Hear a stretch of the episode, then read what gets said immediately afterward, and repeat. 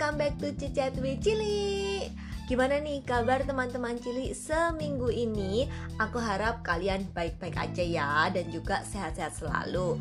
Aku hari ini akan membahas sebuah segmen baru yang kemarin kan sudah pertemanan. Ya percintaan ada sih melo-melo dikit tapi katanya gak cocok.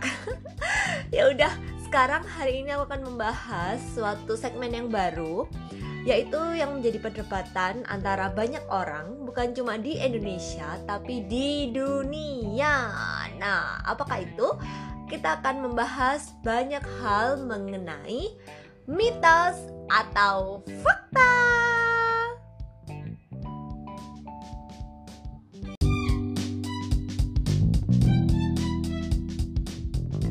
Oke, kita mulai. Hari ini aku akan membahas mengenai mitos atau fakta tentang otak pria dan wanita. Nah, di sini banyak banget yang membahas atau memperdebatkan masalah otak pria itu lebih besar daripada otak wanita. So, pria itu kecenderungan lebih pintar daripada wanita. Hmm, agak diskriminatif ya, tapi kita cek yuk benar apa enggak uh, dari fakta-fakta. Di dalam buku The Gendered Brain yang aku baca di sebuah artikel BBC, kalau peneliti itu telah meneliti tentang hal ini itu sejak 200 tahun yang lalu katanya. Dan menunjukkan satu fakta yang mereka dapat adalah otak wanita itu memang 10% lebih kecil daripada otak pria. Hmm, baru tahu deh ya ini. Tapi sangat-sangat salah kalau ukuran otak itu dikaitkan sama kecerdasan. Nah, contohnya apa? Contohnya otaknya gajah dan paus itu lebih besar ukurannya daripada ukuran otaknya kita atau ukuran otak pria tapi tidak membuat mereka itu jauh lebih lebih pintar ya daripada kita. No no no no no. Rasanya enggak deh. Kita itu jauh lebih pintar daripada mereka. Jadi itu salah banget kalau ukuran otak itu dikaitkan sama kecerdasan. So akhirnya membuat kita itu yang wanita itu bukan berarti jika otaknya itu lebih kecil kecerdasan kita itu nggak sama dengan kecerdasan laki-laki. Karena ini ada fakta menarik lainnya. Kalau ternyata lucunya Einstein itu punya otak lebih kecil daripada rata-rata otak pria loh. Hmm ayo yang pria-pria nih apakah yang merasa otaknya ini lebih besar itu bisa mengalahkan Einstein. Nah padahal Einstein itu udah pinter ya tapi kenapa kok uh, ukuran otaknya ini jauh lebih kecil daripada rata-rata ukuran otak pria. Jadi ini adalah fakta yang menarik yang ternyata itu salah kalau ukuran otak dikaitkan dengan uh, berapa tingginya kecerdasan. Pria dan wanita itu memang berbeda, tapi bukan dari besar kecilnya otak jadi misal gini aku punya cerita nih. Kemarin aku sempat cerita-cerita sama salah satu teman aku yang uh, mengatakan kalau memang nggak bisa bicara atau nggak bisa ngomong ya bahasanya nggak bisa ngomong. Kalau ternyata misalnya ada seorang ibu dari dua kalangan yang berbeda. Yang satu kita sebut ibu ibu A ya. Ibu A ini dia selama kehamilan itu dia itu memberi makanan yang bergizi sama anaknya. Dia mendengarkan lagu-lagu klasik yang dipercaya bisa meningkatkan uh, aktivitas otak di dalam rahim. Terus apa yang dia dengar apa yang dia katakan apa yang dia lihat itu dia jaga. Dibandingkan dengan ibu B yang dia itu biasa-biasa aja waktu mengandung jadi dia nggak pernah mendengarkan lagu klasik makanannya juga nggak dijaga terus apa yang dia dengar atau apa yang dia katakan serta suasana hatinya itu dia uh, asal-asalan Jadi menurut aku dua orang ini walaupun ibu A dan ibu B ini sama-sama pintar, nggak serta merta anaknya itu bakal jadi sepintar orang tuanya.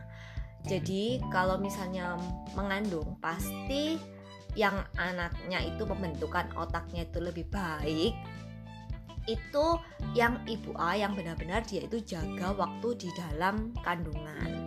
Nah, itu yang akan membentuk aktivitas uh, sorry, yang akan membentuk otak bayi waktu di dalam kandungan. Nah, ini aku udah sempet baca-baca artikel tentang kesehatan juga. Karena karena perdebatan ini kadang itu orang tua atau stigma masyarakat sekarang itu kadang kurang benar menurut aku. Karena suka dikait-kaitkan sama orang tua. Misalnya nih orang tuanya kurang pintar terus anaknya itu jadi kurang pintar. Pada saat masyarakat itu melihat mereka tuh kecenderungan akan melihatnya itu sebagai kesalahan orang tua. Misalnya ih kamu itu nggak pinter turunan ya kayak gitu loh. Jadi sebenarnya sih ya mungkin sih ada kesalahan orang tua karena mungkin nggak dijaga makanannya atau banyak hal lah mengenai pembentukan otak di dalam rahim. Kalian bisa cek atau kalian bisa tanya di dokter. Tapi bukan berarti kepintaran itu menurun. Atau kepintaran itu misalnya orang tua nggak pintar terus anaknya jadi nggak pintar. Itu enggak sama sekali nggak seperti itu. Jadi kita harus meluruskan dan kita harus melihat fakta-fakta yang ada uh, sebelum kita itu berpendapat seperti itu. Jadi kesimpulannya untuk mitos atau fakta kali ini adalah otak pria dan otak wanita itu memang berbeda. Jadi otak wanita itu memang lebih kecil daripada otak pria.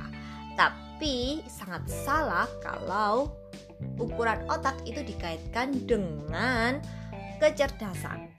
Jadi perbedaan perilaku wanita dan pria itu sebenarnya didasarkan pada orang tua memperlakukan mereka pada saat di dalam rahim atau mereka waktu masih kecil. Nah, jadi bukan berarti lewat ukuran otak.